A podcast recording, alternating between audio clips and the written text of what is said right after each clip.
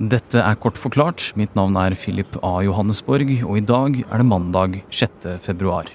Rettssal 14 i tinghuset her i Haugesund er jo et veldig sånn klassisk eh, rettslokale. Eh, veldig sterilt.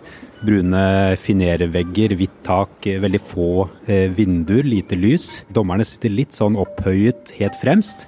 For avsigelse av dom i sak nummer 22.07.164.2. Og i midten av eh, alt dette så er det altså en 52 år gammel eh, mann. Og Da ber jeg om at alle reiser seg. Og denne 52-åringen har vært tiltalt for drapet på Birgitte Tengs. Et drap som ble begått for 28 år siden. Mannen blir funnet skyldig for drapet på Tengs og dømmes til 17 års fengsel. Så slutter dommeren å snakke. Idet dommen blir avsagt, faller 52-åringen sammen og ned på gulvet.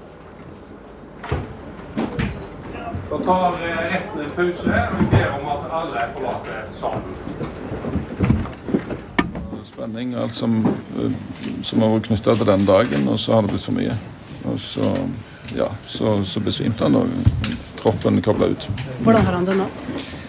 Etter forholdene er helt OK, men han er helt uh, utslitt. Så han kommer ikke til å være med her videre nå i dag. Og så får han forkynt dommen i fengsel i morgen. Men han samtykker til at det kan fortsette her? Og dette sa Stian Christensen, forsvareren til 52-åringen, til deg, Andreas Bakkefoss. Du er journalist her i Aftenposten, og du var i rettssalen i dag. Hva er det denne dommen sier? Påtalemyndigheten hadde jo ett eneste fellende bevis mot denne 52-åringen som kunne få han dømt, og det er en bitte liten del av et mannlig DNA som ble funnet på strømpebuksen til Birgitte Tengs i 1995.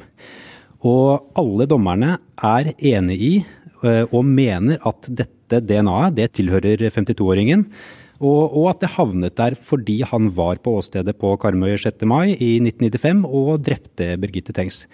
Så de mener at hans DNA ikke kan ha havnet på strømpebuksen til Tengs på noen annen måte enn at han var der og, og begikk dette drapet. Det er jo ingen av vitnene som har sett denne tiltalte 52-åringen noe sted i nærheten av åstedet eller sammen med Tengs den kvelden.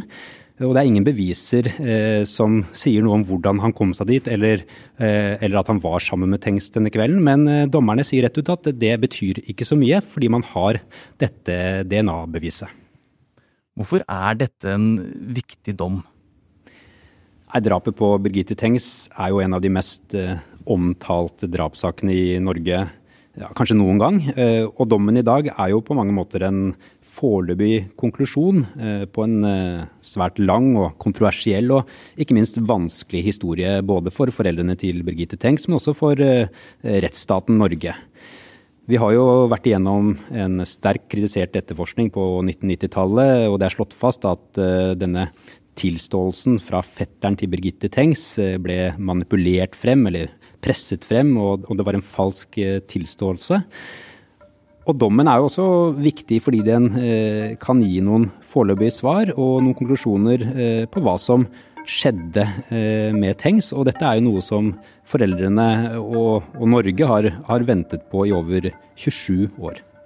Og mer om den lange historien kan du høre om i tidligere episoder av Forklart. Vi legger igjen to lenker i beskrivelsen av denne episoden. Men Andreas, hva er det som skjer nå, da? Det er viktig å huske på at uh, denne saken er på ingen måte over med dommen i dag, og, og siste ord er jo heller ikke sagt.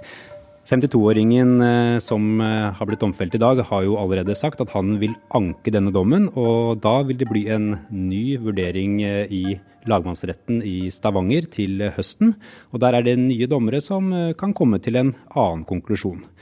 Så vi kommer eh, helt sikkert til å høre mye mer om denne saken eh, det neste året. Du har hørt en podkast fra Aftenposten. Det var Andreas Bakke Foss som fortalte om dommen i Birgitte Tengs-saken. Lyden du hørte er fra Andreas Bakke Foss og fra NTB. Episoden er laget av Anders Weberg, Trond Odin Johansen og meg, Philip A. Johannesborg. Resten av Forklart er Jenny Føland, David Vekoni og Synne Søhol.